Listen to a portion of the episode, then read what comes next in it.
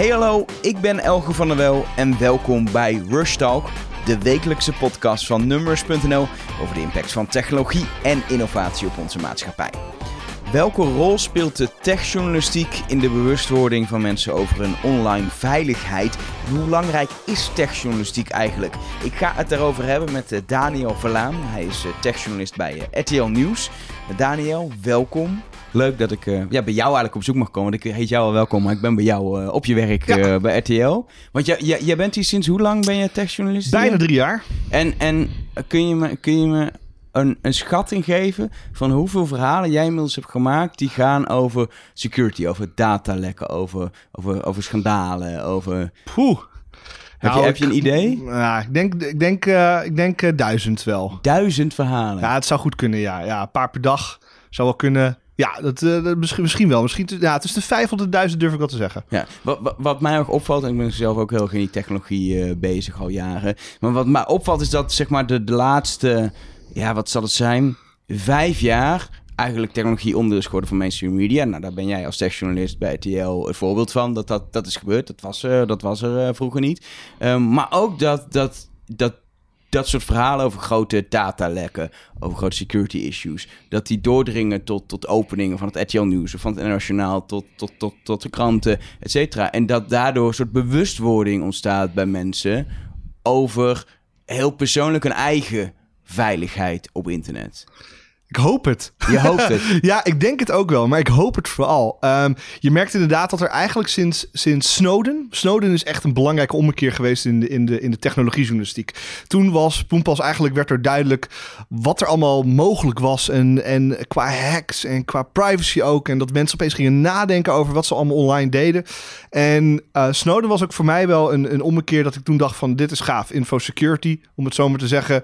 En ook deels daarvan privacy ook natuurlijk is belangrijk... Um, Ehm, ik ga me daar eens in verdiepen. Ik was daarvoor, schreef ik vooral veel over Android-telefoons en Android-apps en zo. En je zag vanaf dat moment dat ook grote media steeds meer er, uh, ermee bezig werden. Nu.nl was al heel vroeg um, goed ook met technologie-nieuws. Hadden echt al een redactie, een technologie-redactie. Nou, dat was, dat, ja, dat, was, uh, dat was voor die tijd heel erg uh, bijzonder. En je zag al wel wat tech-sitejes hier en daar opkomen de laatste tijd en zo. Maar sinds een jaar of drie, vier wel, is het echt doorgedrongen tot, tot de grote media. Waarbij eigenlijk nu.nl en Tweakers, dat zijn toch de twee grote partijen daarvoor, echt het voortouw hebben genomen. Hebben echt laten zien, kijk, technologie doet het toe. En zo langzaamaan zijn NRC, Volkskrant, uh, natuurlijk NOS en RTL ook. En maar ook langzaamaan hier van bijvoorbeeld de Consumentenbond en Radar, hè, dat soort clubs, die hebben allemaal meer zijn gaan inzetten op technologie. Soms hier en daar een redacteur ook echt inhuren, of eigenlijk aannemen natuurlijk dan. En je ziet dat dat, uh, nou, dat uh, werpt zijn vrucht af. Was dat laat? Dat het pas eigenlijk de laatste vier jaar is gebeurd? Of is dat ja, wel natuurlijk is dat wel laat. Dus natuurlijk is dat laat. Internet, ik bedoel, vier jaar geleden bestond, bestond alles al wat we nu dagelijks gebruiken. Telefoons, Facebook, Twitter, alles. Dus het, dat is hartstikke laat. Alleen het, het hele gedeelte over. We, we, waren eerst in het begin met internet en met technologie er van. Ah, wat tof, het kan allemaal, allemaal gave dingen. En pas later zijn we gaan nadenken over de gevolgen en de gevaren van uh, technologie. Uh, dat zie je nu bijvoorbeeld heel erg met kunstmatige intelligentie. Wat een hele toffe nieuwe technologie is. Maar we eigenlijk al eerder na aan het denken zijn. wat voor gevaren dat kan meebrengen. Nou, dat hebben we een beetje te laat gedaan bij alle andere dingen in het uh, rondom technologie. En, en dat is een, een hele grote markt geworden nu inmiddels voor, voor überhaupt voor nieuwsgaring elke dag gebeuren er wel hacks, datalekken, ransomware. Er zijn zoveel gevaren. En het is heel belangrijk om daarover te berichten. Net zoals, nou, eh, weet ik wat, een, een oorlog ergens in een ander land. Of uh, hè, uh, weet ik veel, fraude, wat er, wat er gebeurt. De, de, huizenmarkt. Het is net zo'n belangrijk onderdeel geworden van ons leven. Ja. Heb, je, heb jij wat dat betreft, heb jij een, een, een, een, een concreet doel waarom je dit werk doet. Want een politiek journalist doet zijn werk omdat hij, omdat hij de, onderdeel zijn van de democratie. En we laten zien wat er in haar gebeurt, welke beslissingen daar worden genomen, waar mensen op hebben gestemd dat het volgens gebeurt. Dus bijna een controlemechanisme wat er altijd wordt, wordt uitgelegd. Wat is voor jou dan de reden dat jij jouw werk doet? Ik denk niet veel anders dan andere, andere journalisten. Je, je, je, wil, uh, je wil de waarheid vertellen. Je wil misstanden aan de kaak stellen. En um, en in, mijn geval is dat al beide zo. Ik, wil, ik, ik probeer hard te werken voor grote verhalen die impact maken. Waarbij mensen bewustwording creëren. Uh, waarbij mensen nadenken en waarbij ik eh, de feiten vertel, zo zit het. En dat ze hun eigen mening erover kunnen vormen. Maar ook vooral misstanden. Hè. Ik, ik hou van, ik hou, ik hou altijd, altijd al heb ik, heb ik gehouden van ruzie maken. Van schandalen. Van schandalen. Ophef. ook nog wel eens. En ik, ik, uh, ik maak een soort ruzie. Uh, voor, voor, mijn werk maak ik betaald ruzie. En dat vind ik, al, vind ik altijd heel, heel gaaf. Ik mag ruzie maken met bedrijven en organisaties waarvan iets niet in de haak is en wat ik wil, wil aantonen. Uh, maar tegelijkertijd, in, omdat technologie, heel veel mensen hebben daar nog niet zoveel verstand van, van technologie. Dus je bent een soort expert eigenlijk op het gebied van hetgeen waar je over schrijft. Um, dat hebben politiek journalisten ook, hè, die worden ook vaak als politiek commentator gevraagd. Dus je wordt in een soort rol geduwd dat je expert bent, dat je dingen tips kan gaan geven, dat je wordt uitgenodigd door, door andere media om je mening ergens over te geven. Is een beetje raar aan de ene kant. Ik ben gewoon journalist, snap je? Ik uh, verder niet zoveel. Um, maar tegelijkertijd, uh, wat ik wel heel fijn vind, is dat ik bij mijn werk uh, mensen informatie kan geven die ze normaal niet zouden krijgen. Dus hoe je jezelf online kan beschermen, is daar een heel groot onderdeel van. Omdat ik zo vaak bericht over hacks, over marktplaatsfraude, hè, over tikkie phishing. Nou, je, je wilt het zo gek niet bedenken. Alles wat heel dichtbij komt bij mensen. Wat echt een gevaar is voor iedereen die maar op het internet zit. En het, ik vind het dan heel altijd heel belangrijk, maar ook heel een, een, soort nobel doel. Om dan te zeggen hoe je daartegen kan beschermen. En dat is een beetje hetzelfde als dat er. Ja, vroeger had je ook voor die phishing. Of daar nou, nog steeds natuurlijk phishing mails, maar vroeger ook al. En dan werd er bijgezet: let op het slotje. Want dat is, dan weet je dat de website veilig is. Die tip geldt nu inmiddels niet meer. Maar dat was toen ook al zo. Dus het is ook een heel. Het is ook een onderdeel van het werk als technologiejournalist geworden. Dat je mensen informatie geeft waar ze daadwerkelijk iets aan hebben. Waar ze iets slimmer worden. Digitaal opvoeden. Ja, ja, ja. Hoewel dat niet mijn taak is als journalist. Mijn taak als journalist is om, om wat ik al eerder zei, om, om, om de feiten te brengen en belangrijke verhalen te maken. Maar die verhalen gaan vaak gepaard met wat je er tegen kan doen. Want het zijn vaak verhalen over nare dingen op het internet, om het zo maar te zeggen. En mensen willen weten hoe ze zich tegen die nare dingen kunnen beschermen. En dat geef ik dan ook altijd mee. Maar dat, dat zie je niet als een, als een doel van jouw werk? Niet, niet van mijn werk. Ik vind het wel eh, persoonlijk op persoonlijk vlak vind ik het wel een beetje een, een, een doel, zeg maar. Ik vind het fijn om mensen te helpen. En uh, om, uh, dat, dat deed ik vroeger al met, met computers maken en zo en dat soort dingen. En alleen, het is voor mijn werk als doel niet per se een ding of zo. Maar tegelijkertijd, ik maak wel eh, heel veel verhalen die heel erg, die, die een beetje huistuin- en keukenheks maak ik. Dat, is een beetje, beetje, beetje lullig benoemd misschien. Maar ik vind het fijn als het gaat om, om hacks die iedereen kunnen raken. Als er cybercrime die iedereen kan raken. Er wordt natuurlijk ook gehackt op heel hoog niveau door bijvoorbeeld landen die elkaar hacken en energiecentrales. Dat is ook bijzonder spannend en belangrijk dat we dat melden. Ik ben meer van de, de, de, gewoon de, de huiscriminelen die uh, een paar honderd euro willen verdienen aan een, uh, aan een uh, simpele huisvader die niet weet hoe, hoe die, zeg maar, hoe die een normaal bestand op zijn computer krijgt en per ongeluk ransomware installeert. Dat vind ik de interessante verhalen, want dat, is, dat komt, overkomt iedereen mogelijk een keer. Moet je, moet, je, moet je jouw verhalen voor je gevoel verkopen aan het publiek? Um, Want het is natuurlijk altijd, ja. technologie is suf. En, en heel veel mensen zeggen ook, ja, ik hoef bij een auto ook niet precies te weten hoe dat onder de motorkap werkt. Bij technologie hebben heel veel mensen zelf. Van, als mijn telefoon het maar doet en mijn internet en ik kan de dingen die ik wil doen erop, dan hoef ik niet per se te weten wat er allemaal onder zit. Ja, dat, dat, dat, dat is zeker zo. Dat, uh, mensen hebben vaak al een idee, uh, hè, uh, zolang het maar werkt, zo'n ding, hè, dan hoef ik verder niet te weten hoe wat. En och joh, wat maakt het uit als ze mijn IBAN en mijn rekeningnummer en, uh, en uh, mijn e-mailadres en mijn telefoonnummer hebben. niks te verbergen. Dat, dat natuurlijk ook een hele belangrijke. Um, pas als je aantoont wat je met die gegevens kan en je doet het ook echt, dan pas zijn ze pas bang. Of in ieder geval bang, uh, weten ze in ieder geval wat ermee kan gebeuren. Maar verkopen, nou, vooral hier binnen RTL, um, is het soms wel eens lastig, omdat wij, we zijn een tv-bedrijf natuurlijk. Dus um, ik moet verhalen maken voor zowel online als tv. En als je tech-verhalen maakt voor tv, dan kom je nogal eens in de, de, in de, de, de shots van de computerschermen. Kijk, ik heb hier gehackte. Precies, ja. En ik heb hier, nou, vooral bijvoorbeeld um, als het gaat om gehackte wachtwoorden, dan moet, ik, ja, dan moet je dat laten zien. En dat is altijd schermopnames, zeg maar. Liefst zwart met witte letters. Ja, groen. Groen, ja. Nou ja, en ik probeer dan bijvoorbeeld, ik heb laatst een, hash, een, een, een, een voorbeeld van Hashcat gedraaid. En um, uh, dus dat ik uh, wachtwoorden aan het kraken was eigenlijk. Dat, dat doe je met Hashcat, is een programmaatje. En uh, dat ziet er best wel een beetje, een beetje hackerig uit, zeg maar. Hè? Ook een beetje zwarte achtergrond, eh, groene letters. En ik vind het dan wel weer heel cool dat, zeg maar, daadwerkelijk hoe het gaat in het echte leven. Dus wachtwoorden kraken met zo'n programma. Dat dat dan in het nieuws komt. Dat vind ik dan wel weer cool. Maar het blijft een beetje een uitdaging om het mooi op tv te verpakken. En dat is een beetje het ding waar ik tegenaan loop met het verkopen. Het is heel vaak, joh, uh, moeten we weer de hele tijd tegen onze computer gaan staren. Dat zie je vaak. Maar ja, dat, is, dat politiek zijn pratende mannetjes. Ja, en dat vinden we dan wel allemaal tv-waardig. Ja, dat, uh, mensen zijn, mensen. mensen zijn tv leuker dan, uh, dan computers vaak. Um, maar goed, het, het, wat we bijvoorbeeld vaak doen is we, we, we, zoeken de mensen bij die er iets over kunnen vertellen. Dat ben ik dan misschien, maar het kunnen ook slachtoffers zijn van iets. Of we interviewen hè, Nationaal Cybersecurity Centrum of Fraude Helpdesk. Hè, allemaal grote namen. Bits of Freedom hebben we natuurlijk ook als club. Um, dus je, je, moet het afwisselen. Je kan niet alleen maar mij achter een computer zetten en dan de hele tijd een camera erop. Dat is, dat, dat is voor heel veel mensen gelukkig niet zo interessant. Ja. Wat, wat is het verhaal waar je het meest trots op bent? Dat is een hele lastige vraag natuurlijk, maar daarom stel ik hem ook. Je mag er ook twee of drie noemen, vind ik ook prima. um, oeh. Ik ben op, uh, op twee verhalen heel trots. En op één verhaal denk ik altijd nog met heel veel, uh, met heel veel geluk aan terug. Het, het, waar, ik niet, waar ik wat minder trots op ben, maar waar ik wel een heel leuk verhaal vond, was dat ik uh, politici heb gehackt. En uh, eigenlijk gewoon ingelogd op een Twitter en op een LinkedIn-account en zo om aan te tonen dat ook met de cybersecurity van, van de politici nog heel wat mis is. En ik vond het vooral leuk om toen onder het account van Kees van der Staaij een tweet te sturen van kijk allemaal naar RTL Nieuws vanavond. Het is wel op het randje. Het is op, zeker op het randje. Daar hebben we, ook, hebben we ook lang over nagedacht en lang over gepraat. En heb ik best wel wat kritiek op gehad. Wat, wat... Moest je echt naar de hoofdredactie toe eerst om het te bespreken? En ik doe bijna alles, alles met ja. de hoofdredactie in bespreking. Omdat ik heel vaak dingen doe die, die legaal niet mogen. Dus um, ik, als ik in iemands account hack, uh, wat ik wel eens probeer omdat, of nou probeer, maar als ik gehackte gegevens krijg, moet ik ze valideren.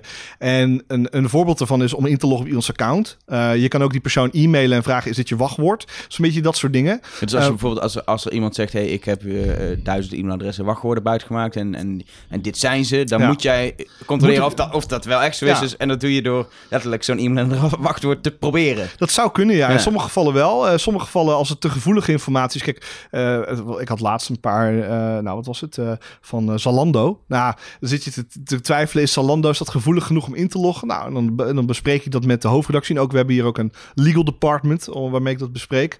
Maar ik vond het, dat, ik vond het vooral leuk, omdat je daarmee het was een beetje een, een ludieke actie van ons. En ik vond het gewoon een hele gave aankondiging van ons nieuws. Maar ook tegelijkertijd direct in your face. Van kijk, zie je, dit kan er gebeuren. Um, en uh, we hebben bijvoorbeeld niet eens privéberichten gekregen of zo. Of dat, dat, soort dat dingen. Dat is natuurlijk wel een ding. Je kan ook ja. in iemands DM's. En dat Zeker. is toch wel heel erg privé communicatie. Ja, ik neem ook alles op. Uh, als ik ergens inlog of zo, neem ik het op wat, wat ik doe. Um, maar het zijn wel, uh, daar moet je goed over nadenken. Dan, er zitten hier allemaal heel veel hele ervaren journalisten die, die mij daarbij kunnen helpen. Ik ben nogal eens iets te enthousiast en iets te, ah, doen we dat, doen we dat. Uh, dus dat vind ik soms een beetje lastig. Um, maar daar, heb, ik, heb ik veel hulp bij. Pieter Klein werkt hier. Dat is, een, dat is echt een super ervaren uh, journalist. Dat was een beetje mijn voorbeeld vroeger. Um, en, uh, en dan praat ik daarmee en dan met de hoofdredactie. En de andere twee, de, de andere twee verhalen waar ik wel, waar ik echt zeg maar trots op ben, wat ik echt gaaf vond, was uh, de, de, de, was mijn, eigenlijk denk ik mijn eerste hele, hele, hele grote scoop. En dat was uh, over de stemsoftware in Nederland, waarmee onze stemmen worden geteld. onze stemmen voor, zeg maar, Tweede Kamerverkiezingen, dat soort dingen en zo. En we hebben die, die software doorgelicht en die bleek gewoon echt totaal niet veilig te zijn. Echt, echt heel erg slecht. Gewoon een soort Windows XP-programma, zeg maar. En um, uiteindelijk door onze publicaties, die, die vrij pittig waren en zo, um, is die stemsoftware is geschrapt. Is toen alles bij de, met de hand weer geteld zoals, uh, nou ja, eigenlijk zoals, zoals al heel lang niet is gedaan. En uh, om hacks te voorkomen, om buitenlandse inmenging van de verkiezingen te voorkomen. Het is bijna dat, activistisch wat je op dat moment doet. Nou ja, we, ik, ik, ik, heb hier samen met mijn collega Bart van den Berg aan gewerkt. Hij is onderzoeksjournalist en um, we hebben, we, hij kreeg een tip hierover. We hebben samen ernaar gekeken en we concludeerden gewoon samen met ook experts dat dit gewoon totaal niet veilig is. Dan moeten we dat gewoon melden. Als, als, het, als iets, als ons democratisch proces niet veilig is, dan moet je dat gewoon melden. Wat daar de reden achter is, of het activistisch is. Nou ja, ik heb gewoon liever dat onze Tweede Kamerverkiezingen veilig gaan, zo veilig mogelijk. En dat ik experts spreek en die zeggen allemaal, die experts, je kan het niet doen met software. Je moet het handmatig doen of er moet, zo, er moet een handmatige telling zijn. Nou, dan vind ik dat een hele valide reden om op te tikken. Dus ik zou activistisch niet willen noemen. Want activistisch krijg je meer. Bijvoorbeeld wat, wat, meer activistische journalistiek is, is uh, de correspondent. Uh, uh, je hebt daar Maurits Martijn bijvoorbeeld. die is een, vrij activistische journalist over als het gaat om privacy. Um, en dat doet hij hartstikke goed overigens. Kaart hele belangrijke problemen aan. Maar dat doet hij vanuit een hele activistische overtuiging dat hij vindt dat dat de juiste weg is. Um, wat, ik ben meer van. Ik, ik kaart misstanden aan. En wat er daarna mee gebeurt, of wat de oplossing is, dat moet anderen bepalen. Dat moeten experts bepalen, politiek of, of de samenleving. Maar dat bepaal ik niet. Ik, weet, ik heb ook niet antwoord op. Maar wat ik wel, dat vond dat was wel echt een grote, dat minister Plasterk echt uh, op het matje werd geroepen en zegt: jongens, we gaan die shit allemaal niet meer doen, deze, deze software. Alles er, eruit. En dat was, vond ik wel een gaaf moment. Dat dacht je echt van, nou, je hebt wel eens, je hebt invloed gehad met je verhalen. Um, en het tweede verhaal was, vrij recent, was, was dat ik infiltreerde in een wraakporno-netwerk. Uh, waarbij ik um, in, een, in een netwerk van meer dan 2000 jongens uh, zat. Uh, en toegang kreeg tot een soort collectie met wraakporno van meer dan 400 Nederlandse vrouwen. En, en dat was dat, dat exposen dat, daarvan en dat het bestaan ervan aan de kaak stellen. En dat vond ik wel, dat was ik wel heel gaaf. Dat vond ik wel een, was wel een mooie actie, had ik het idee. Ik denk wel dat dat voor de nodige bewustwording heeft gecreëerd bij mensen dat, dat dat soort dingen bestaan. En ook het idee achter wraakporno en hoe dat daar komt. En laten zien dat dit soort jongens dus dat soort dingen uitwisselen en wat hun motieven zijn en zo. Dat vond ik wel heel gaaf. Alleen het was wel, uh, het was wel met afstand de heftigste uh, uh, verhaal wat ik heb gemaakt. Omdat je met slachtoffers ook praat. En daar heb ik hulp bij gehad van een vrouwelijke collega die dus wat meer uh, die heeft MeToo-zaken gedaan. En zij, zij kon beter nou ja, met deze vrouw communiceren. Omdat ik nogal vrij um, zakelijk ben, om het zo maar te zeggen. En, en een man, toch? Ja, toch, ja toch zeker. Het is ook fijner als je wordt gebeld, denk ik, uh, als vrouw door een vrouw over zo'n verhaal van... De, hey, er zijn naaktfoto's voor het internet. Misschien dat ze bij een man toch sneller angstig zullen zijn. Um, dus daarom, maar ik, ik hoorde deze verhalen en we hebben die mensen gesproken en die waren er echt helemaal kapot van.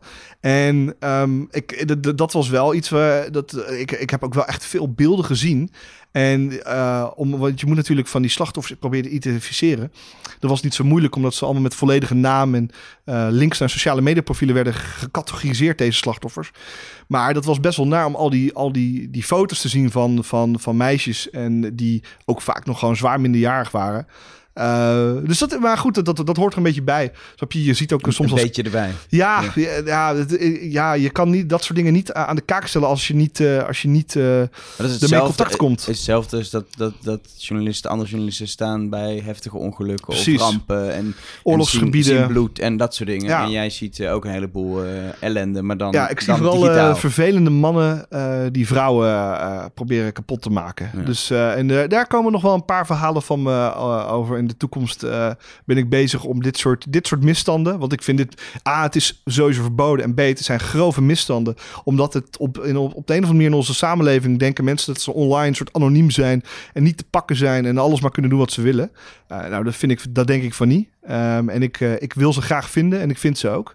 Maar deels en, zou dit. Zou, het is heel goed dat jij het doet. Ja. Maar deels zou dat natuurlijk ook gewoon een, een, een afdeling van de politie moeten zijn ja, die dit ja, doet politie heb ik uh, wel eens gesprekken mee. uh, nee, uh, politie heeft, heeft die complimenteerde me met mijn onderzoek. En ik heb toen was voorzichtig geïnformeerd of ik niet rechercheur wilde worden daar. toen heb ik, heb, ik, heb ik vriendelijk bedankt. Ik vond het wel een mooi compliment. Alleen ik denk dat ik als journalist veel meer impact kan hebben met dit soort verhalen. En ik heb er nog echt twee of drie liggen. En het zijn altijd enge mannen op het internet die vrouwen kwaad willen doen. En daar heb ik er nog heel veel van. En daar lust ik er ook nog wel veel van, van ja. dat soort jongens. Maar je noemt nu, je noemt andere voorbeelden um, uh, waarvan je misschien bij die eerste, bij de beveiliging van die Twitter-accounts, kun je nog kun je nog discussiëren of dat nou uh, super belangrijk Het is wel belangrijk, maar uh, hoe ja. groot de maatschappelijke impact is. Ja. Die andere twee verhalen, het stemmen tellen en, en, en die, en die expose groepen. Waar, ja. waar ik, dat zijn allemaal, iedereen is het erover eens dat het maatschappelijk belangrijke verhalen zijn.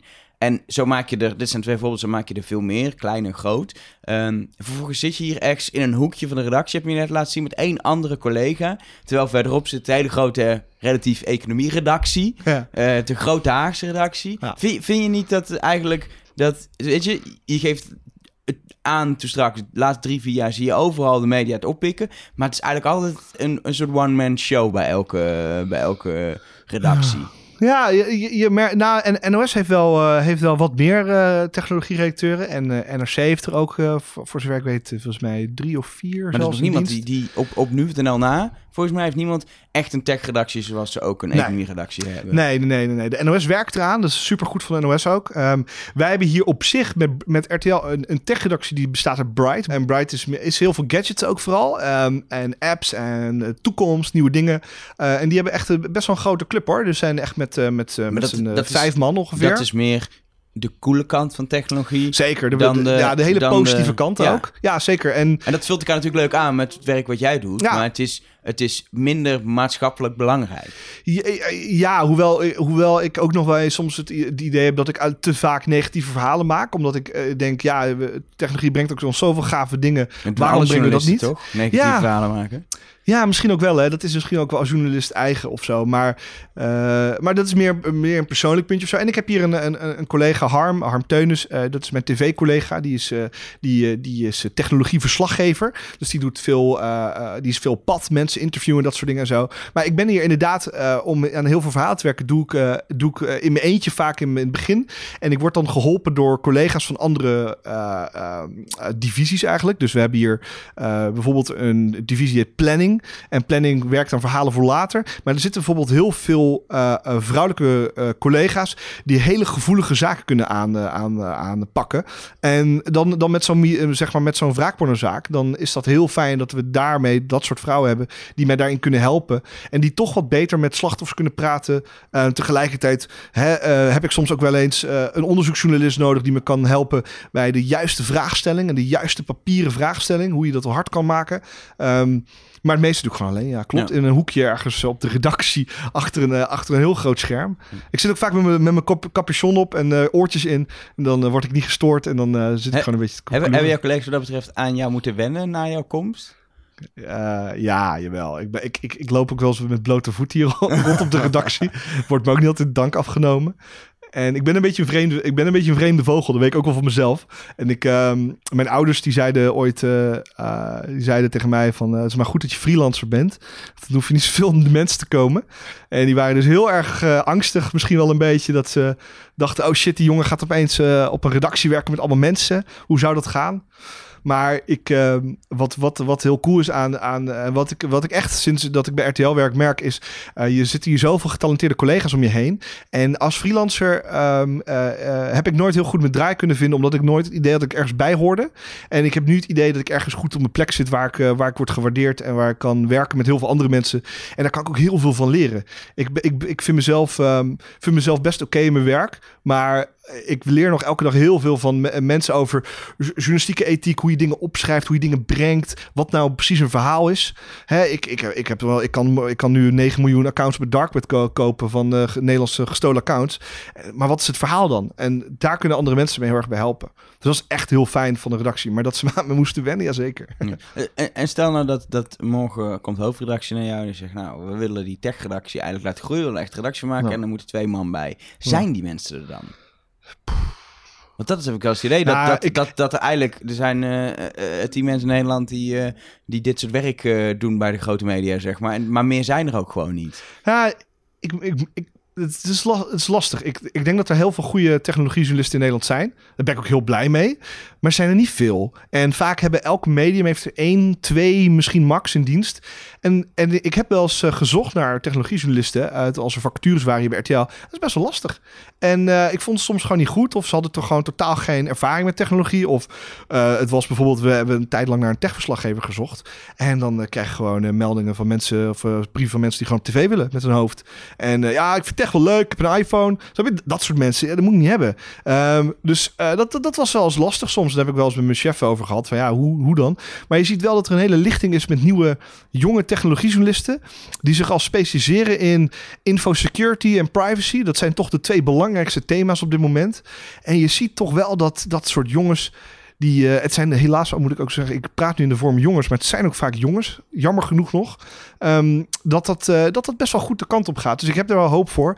Het ding is een beetje dat je begint als technologiejournalist vaak met het reviewen van smartphones en gadgets. Omdat dat hetgene is wat je vaak naar technologie trekt in het begin. En dan zie je pas hoe belangrijk technologie kan zijn en dan ga je wat verder. Dus vaak moeten dat soort jongens en hopelijk ook in de toekomst meisjes eerst even, nou ja, telefoontjes reviewen, nieuwe iPhone. Bright, zeg maar. Ja, nou ja, ik, ik, ik vind Bri- Bright mag je nog steeds trouwens met van harte plezier werken hoor. Als je, ik bedoel, ik, ik vind het zelf gewoon niet meer zo leuk, eh, gadgets reviewen. Dat heb ik heel veel gedaan. En als je de 84ste review over een Android schrijft, over een Huawei XP24T, ehm, dan ben je er wel een beetje klaar mee. Ja. En ik vind, ja, snap je, hebt toch meer impact met grote verhalen over belangrijke maatschappelijke thema's die schuren aan technologie. Want wraakporno is gewoon een maatschappelijk thema dat schuurt aan technologie. Hè, ehm, er zijn zoveel van dit soort verhalen. Fraude is een eh, internetfraude is ook een thema dat schuurt aan technologie. Het is gewoon een maatschappelijk thema.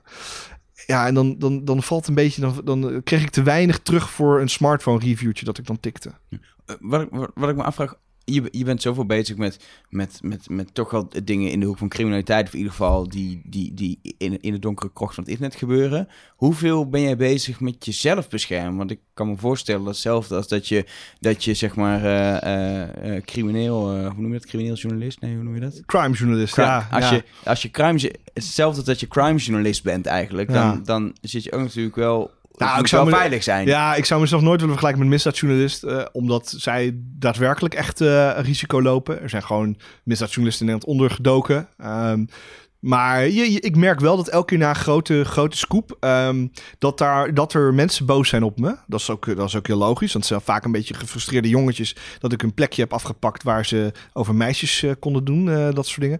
En dan zie je wel dat ze proberen in te loggen of een phishing mail te sturen naar me die best wel goed is. Of eh, ze proberen. Ik heb, eh, ze hebben geprobeerd eh, bij mijn vriendin bijvoorbeeld in te breken. Oh. Waardoor ik uiteindelijk heb ik, ik heb geprobeerd zoveel mogelijk alle connecties met, mijn vriendin te mijden op, op sociale media. Zodat je niet meer zo snel ziet wie mijn vriendin is, bijvoorbeeld. Ehm, dat soort dingen, dat merk je wel. Maar ja, of dat nou echt heel erg is. Ja, dan zie je dat zo'n wachtwoordreset wordt aangevraagd. Ja, poeie, ja. eh, Maar je hebt niet het idee dat er eh, ondertussen twee hackers eh, meekijken met alles wat je doet. zeg nee, dat weet ik wel zeker. Dat weet je. Ja, of het moet. Ja, kijk, het ding is of het moet, eh moeten geheime diensten zijn. Geheime diensten hebben namelijk gewoon. Die, geheime diensten hack je wel. Een, een, een, een AIVD kan je prima hacken. Eh, en dan weet je echt niet hoor. Alleen het ding is dat. ehm, Kijk, het ding dat, dat de- de- het risico voor mij is veel groter dat, dat een cybercrimineel mij een, als target heeft dan de AIVD. Ehm, Totdat je verhalen gaat maken over het werk van de AIVD. Klopt, dat doe ik. Alleen dat doe ik niet zo heel erg veel. Ik doe, ik doe ik wel erbij, maar eh, er zijn andere journalisten in Nederland die zich daar drukker over moeten maken. En dan is het wel, dan heb je wel wat meer problemen, moet ik zeggen. Maar ik zou, als ik dat zou doen, ehm, zou ik wel zeker in ieder geval mijn computers laten checken door een security bedrijf. Om te kijken of ze iets kunnen aantonen voor eh, een, hack of iets dergelijks. Maar ik verwacht dat niet bij de cybercriminelen waar ik over schrijf. Die zijn niet zodanig gespecialiseerd en met zoveel kunnen dat ze mij kunnen hacken, denk ik. Eh, misschien, het, de kans is er altijd, maar het is niet een hele reële optie. Het zijn vaak toch een beetje de jongens die 22, 23 zijn en die kopen dan ransomware op het dark web. En dan verspreiden ze, of ze zitten meisjes te hacken door wachtwoorden te raden. Dat soort jongens, snap je? Het is allemaal niet zo heel erg eh, high class. eh eh. Nou, tegelijkertijd wel blijft het heel va- gevaarlijk. Ja. In, in, in het verlengde van je werk heb je afgelopen jaar een, eh, een site gemaakt. Waar eigenlijk eh, eh, praktische tips op staan voor mensen die ze kunnen gebruiken. En dat ze jouw artikel bij RTL hebben gelezen. Ja. Als ze een beetje bang zijn gemaakt, zeg maar. En wel doorhebben dat ze zichzelf beter moeten beveiligen. Dan kunnen ze naar eh laatje-niet-hackmaken.nl. En eh, dus als ik die site zie, niet een projectje wat je even in een paar uur in elkaar hebt Nee, gezet. nee, nee, dat kost wel wat tijd, ja. ja het is een soort klein boekwerkje. Het is 11.000 woorden bijna. Ehm, en ik heb dat eh, geschreven met de hulp van zes hackers. eh, zes hackervrienden van me. Die ik heb gevraagd, yo, ehm, ik heb allemaal... eh, ik wil eigenlijk een soort security guide maken. Een soort bijbel voor de online veiligheid. Ehm, als je dummies willen... Ah, ja, zeker voor dummies. Want ik, ik bedoel, eh, het probleem met technologie is vaak dat de mensen die er veel van afweten op een manier erover praten dat alleen maar voor andere mensen die er veel van afweten begrijpelijk is. Ehm, nou, bij mijn werk eh, houdt in dat ik technologie begrijpelijk maak voor iedereen. Dus ik, ik, ik, kan, het- ik kan het in een vrij basic termen opschrijven. En dat was het plan. En ik dacht, ik ga uitleggen wat dan belangrijk is en wat hackers zijn en wat de gevaren zijn, hoe ze meestal binnenkomen. En dan echt beschermen voor mensen, gewoon voor je ouders of zo, die geen idee hebben hoe ze zichzelf online moeten beschermen. En misschien wel ransomware op een computer kunnen krijgen. Nou, dat, dat zijn de grote gevaren. En ehm, nou, na een paar uh, weekendjes, denk ik, werken. Ik heb, ik heb denk ik een paar avondjes en een weekendje of twee geschreven. Viel op zich wel mee. Veel feedback van de, van de, van de hackers. Hè? Is dit een goede tip? Zou je me zo hacken? Wat dan als, je, als jij ransomware zou kopen? Je zou het naar me toesturen. Hoe zou ik het dan moeten openen? Gewoon dat soort tips. Gewoon kijken hoe ze mij zouden kunnen hacken. En dan kijken, oké, als dit, dit verdedigen, hoe, uh, of dat goed zou zijn. En na heel veel eindredactiewerk weer van, van Marcel Vroegrijk, dat is ook een, een, technologiejournalist, um, het uiteindelijk online gekomen. Daar ben ik heel blij mee. En alles is vrijwillig gedaan. Snap je? De, um, het werk door mij, uh, het nakijkwerk door Marcel, het vertaling door Kevin Shuttleworth, dat is een, een Engelse, Engelse jongen. Of Want een er is nu jongen. een, een Engelse Ja, het is ook een Engelse versie. Die, die heet Watch Your Hack. Ik kan zeggen, hoe heb je hem verteld? Ja, Wa- Watch Your Hack. Ja, ja, ja. Don't let your hack making. Nee. nee. hey, watch, watch your hack is die. En um, die. Um, die, die is nu in het Engels ook, dus de volledige handleiding is ook in het Engels. Uh, dus uh, daarmee spreekt een veel grotere doelgroep aan. En, um, en, en eigenlijk hebben we alles gewoon uh, vrijwillig gedaan. Ook de illustrator, Laura Kulker heet zij. Hele goede illustrator, die heeft prachtige afbeeldingen ervoor gemaakt. Allemaal gewoon, dat er kwam door een Twitter-oproepje van... yo, ik wil eigenlijk een handleiding maken, wie kan me helpen? Dat is super gaaf. Maar waarom was dit er nog niet? Ja, geen idee. Ik, ik vond eigenlijk iets dat voor de overheid zou moeten zijn. Dat de overheid zo'n soort uh, guide zou moeten schrijven. Um, weet ik niet zo goed. Consumentenbond had iets met uh, veilig internet of, uh, of la, laat je niet hacken. Lijkt een beetje op laat je niet hack maken. Hadden ze. Um, en je hebt natuurlijk veilig internetten of veilig internet of zo.nl. Bij de Consumentenbond nog niet idee dat het meteen weer gaan met de muis naar rechterbovenhoek wordt, zeg maar. Ja, maar dat is ook alweer goed. Hè? Ik, soms denk ik nog wel eens dat mijn handleiding te lastig is opgeschreven voor heel veel mensen. Dus dat vind ik soms wel eens lastig om ja, ik denk ik van ja, had ik het niet makkelijker moeten maken of zo. Maar het is raar dat het eigenlijk nog niet was. En vooral alle tips die er waren, waren slecht. Dat vond ik vaak. Ja, is ook gewoon zo. Let op het slotje. Nee, het boeit helemaal niks, een slotje. Alle fishers, alle fishers gebruiken nu slotjes om je vertrouwen te winnen. Omdat dat heel vaak als een soort tip wordt gegeven van let op het groene slotje. Want als groene slotjes, dan is het veilig. Maar dat is natuurlijk altijd, als jij nu een tip geeft, let over X, dan gaan ze proberen uh, X uh, te doen. Nou, zodat, uh, zodat het weer veilig lijkt. Zeker, dat, dat, dat, dat gevaar bestaat. Dan update ik weer mijn laat je niet hack maken met de nieuwe tip. Dan verspreid ik dat weer onder iedereen. Dat, maar uh, online security blijft natuurlijk een, een, een veranderend landschap. En wat iets wat een jaar geleden heel veilig was, is een jaar later helemaal niet meer veilig. Van hashing-algoritmes om je wachtwoorden op te slaan tot manieren om je computer te versleutelen alles, uh, alles uh, verandert. En uh, dat is ook alleen maar goed ook. Dus, en het blijft ook een soort... Het moet een beetje een soort altijd document zijn. Een document dat altijd up-to-date is. Waarbij je altijd de laatste tips hebt. En dan niet tips gericht op specifieke situaties. Bijvoorbeeld, hè, er is een nieuw lek gevonden in dit update je routersoftware met deze update. Dat is het niet. Dat zijn echt algemene tips waar iedereen iets aan zou moeten hebben. En de belangrijkste tip is gewoon altijd updaten. Ja, dat is een super domme, domme wat, tip eigenlijk. Maar wat, ja. wat is het grootste risico voor mensen? We hebben natuurlijk al die hacks daar ook over gesproken. Ja. Wat, wat is het phishing? Wat het meest... Ja, phishing en hergebruik van wachtwoorden. Dat zijn de twee grote, grote gevaren van, van Nederlandse samenleving. Kijk, de mensen die deze podcast luisteren... dat zijn waarschijnlijk allemaal vrij technisch onderlegde mensen... of in ieder geval interesse in technologie dat is eigenlijk helemaal niet de doelgroep voor laat je die hack maken. Misschien zitten er ook wel mensen tussen die gewoon dezelfde wachtwoorden gebruiken. Dat zou goed dat, kunnen. Dat, dat kan nou ja, ander, anderzijds lezen sowieso, want je hebt er zo, ik garandeer je dat je tips krijgt die je sowieso nog niet had. Uh, want ik, zelfs ik wist heel veel tips niet. Die heb ik tijdens het schrijven ontdekt in samenwerking met die hackers. Maar in Nederland zie je gewoon, ik er was laatst een, een website over schaatsen gehackt en die database was op internet beland. Um, en uh, al die wachtwoorden hadden iets te maken met schaatsen. Dus ik schaats of zo. Of schaatsen is leuk. Schaatsen hou ik van. Schaatsen ertessoep. Dat, dat soort dingen waren. Dat waren de wachtwoorden. Dus um, mogelijk is dat best wel goed omdat het uniek is voor die schaatswebsite. Maar je kan zien dat dit dus het wachtwoordenbeleid is van de gemiddelde Nederlander. Niet willekeurige tekenreeksen van 30 tekens of zo opgeslagen in de wachtwoordbeheerder. Gewoon simpele. Er was het Jan, Jan, uh, Jan uh, ik noem maar Jan achternaam at live.nl en dan was het wachtwoord Jan schaatst. Je, dit, dit is waar we mee leven in 2018. Uh, minder dan 10% van alle actieve Google-gebruikers heeft tweestapsverificatie ingeschakeld. Dus 1 op de 10 mensen. Ik weet niet precies in hoe, hoeveel dat in Nederland is, uh, maar ik verwacht dat het in Nederland vergelijkbaar is. Als we misschien met geluk misschien 2 op de 10. Dat is echt heel weinig nog steeds. En phishing mails. Je wil niet weten hoeveel miljoenen er aan fraude en aan online oplichting wordt buitgemaakt door cri- criminelen. Dus je ziet dat dat grote problemen zijn in Nederland die elke dag nog gelden. En waar nog zoveel te behalen valt. Omdat mensen gewoon een slechte online hygiëne hebben, om het zo maar te zeggen. Maar dat helpt ook de wereld toch niet. Ja, ook je site helpt, zeg maar. Ja. Vast wel, maar dat is niet wat, wat de wereld uithelpen is, toch? Nee, dat zal altijd wel blijven. En daarom is het ook heel interessant, omdat het waarschijnlijk... Kijk, ehm, in de afgelopen jaren is er zo'n toevlucht genomen in online security. Ik weet nog wel vroeger, als je Netflix had... En iemand lo- logde daarop in, dan kreeg je er helemaal geen melding van.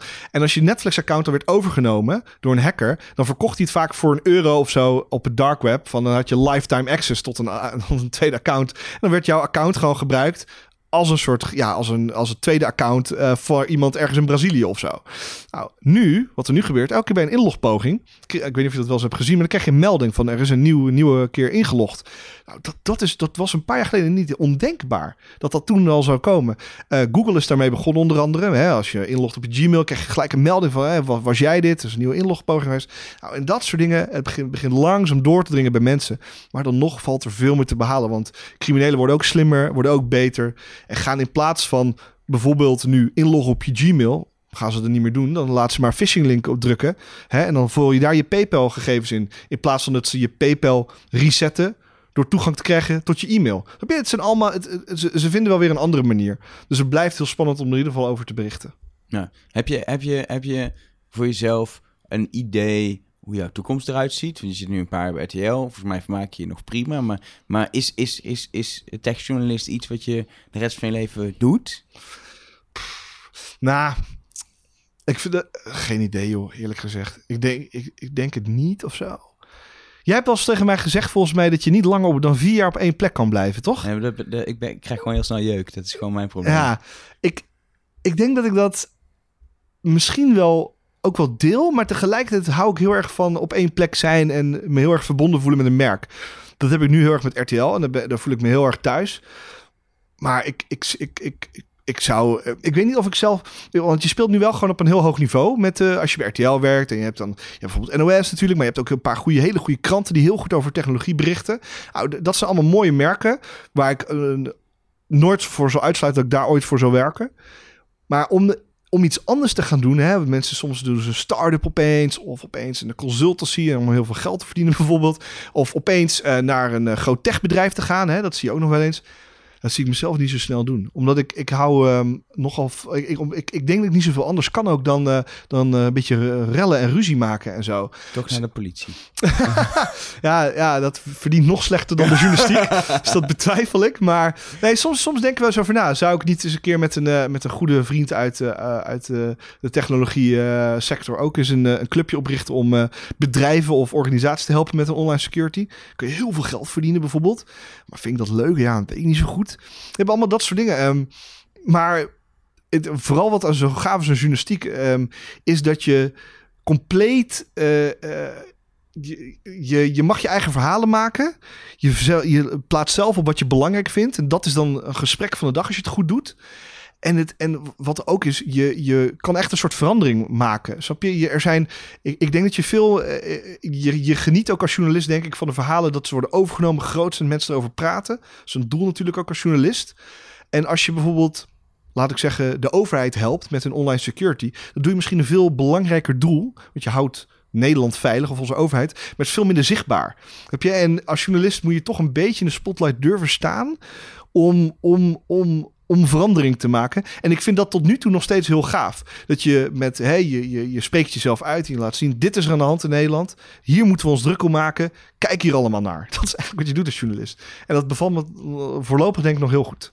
Heb je, heb je nog dingen in de pijplijn qua verhalen Ja, voor deze hoor. zomer? Zeker. Maar je wil natuurlijk niks vertellen, dat zijn allemaal mooie scoops, of niet? Ja. eh, ja, eh, ik, heb er, ik, ik, heb al iets gezegd over eh, enge mannen op het internet die eh, vrouwen eh, het leven zuur maken.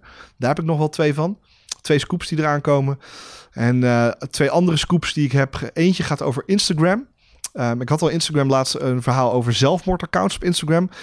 Dit is een ander verhaal over identiteitsfraude op Instagram. Wat een, eh, denk ik wel een leuk en eh, belangrijk verhaal gaat worden in Nederland. Vooral bewustwording creëren. Hè? Dat doe ik vaak met probeer ik in ieder geval vaak met mijn verhaal te doen. Een ander verhaal waar ik heel veel zin in heb, gaat over eh, eh, gekochte gehackte accounts op het internet. Waar ik iets mee ga doen. Ehm, wat ik nog niet kan uitsluiten of dat legaal is of illegaal. dat, moet, dat moet ik dus nog even navragen bij RTL. Maar in ieder geval eh, ga ik laten zien waarom het hergebruik van wachtwoorden niet zo handig is. Voorlopig ben je in ieder geval niet klaar. Zeker niet, zeker niet, zeker niet. Ik heb nog een lijst met 10 scoops die ik wil uitwerken. En dat is alleen voor deze zomer. Oké, hey Daniel, dankjewel. Graag gedaan. En daarmee uh, komt er een einde aan deze editie van uh, Rush Talk. Wil je Daniel nog wat vragen, kun je hem altijd tweeten, weet ik, op Daniel Verlaan. Ik ben bereikbaar op Elger. En je kan ook altijd de redactie van uh, Numbers een tweetje sturen, Numbers. Of een berichtje via Facebook, facebook.com slash Numbers. De komende week neemt Rush even een, uh, ja, een soort zomerbreak. Aantal weken geen nieuwe afleveringen. Ik ga er wel voor zorgen dat de beste afleveringen van het afgelopen jaar nog een keer in de feed terechtkomen. Wil je die nu niet missen en wil je ook de nieuwe Rush straks in augustus niet missen, dan moet je even abonneren. Die bijvoorbeeld in de Google Podcast app of de podcast app van Apple op je iPhone. En wil je nog meer informatie over Rush Kijk dan op uh, numbers.nl slash Voor nu, als je op vakantie gaat, fijne vakantie. Tot snel.